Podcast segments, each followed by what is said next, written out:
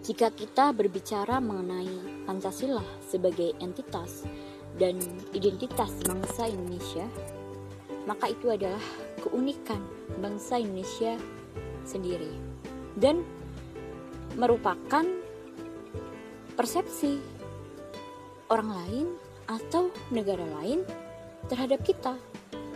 Nah, Pancasila itu terwujud dalam lima nilai yang pertama, nilai keagamaan. Bangsa Indonesia terkenal dengan negara beragama. Kita mengakui enam agama. Islam, Hindu, Buddha, Kristen Katolik, Kristen Protestan, dan Konghucu. Yang kedua, ada nilai kemanusiaan. Nah, kita terkenal dengan sikap ram, keramah tamahan.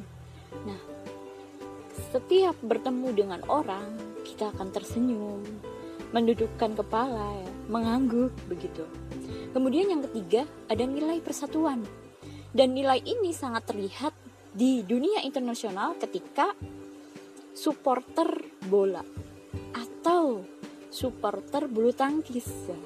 Paling semangat Indonesia itu adalah supporter paling semangat mendukung tim nasionalnya dan paling ramai tentunya.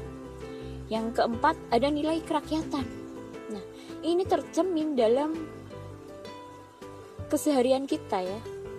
Ketika memutuskan suatu perkara atau ketika ada permasalahan nah pasti kita akan melakukan musyawarah. Dari ranah keluarga sam, e, eh, RT sampai tingkat DPR ya walaupun mereka mengantuk.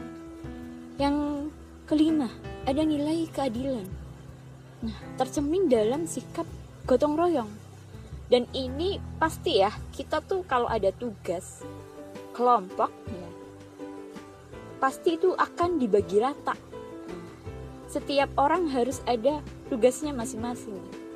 Kalau kita bisa bekerja sama, kenapa harus sendiri? Nah, itu adalah yang terkenal dari bangsa Indonesia.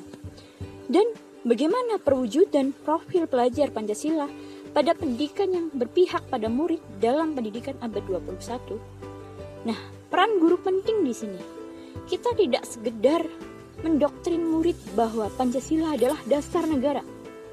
Tidak juga hanya sekedar menyanyi lagu Garuda Pancasila, tetapi tanamkan kepada murid kita bahwa nilai-nilai Pancasila ada dalam diri mereka.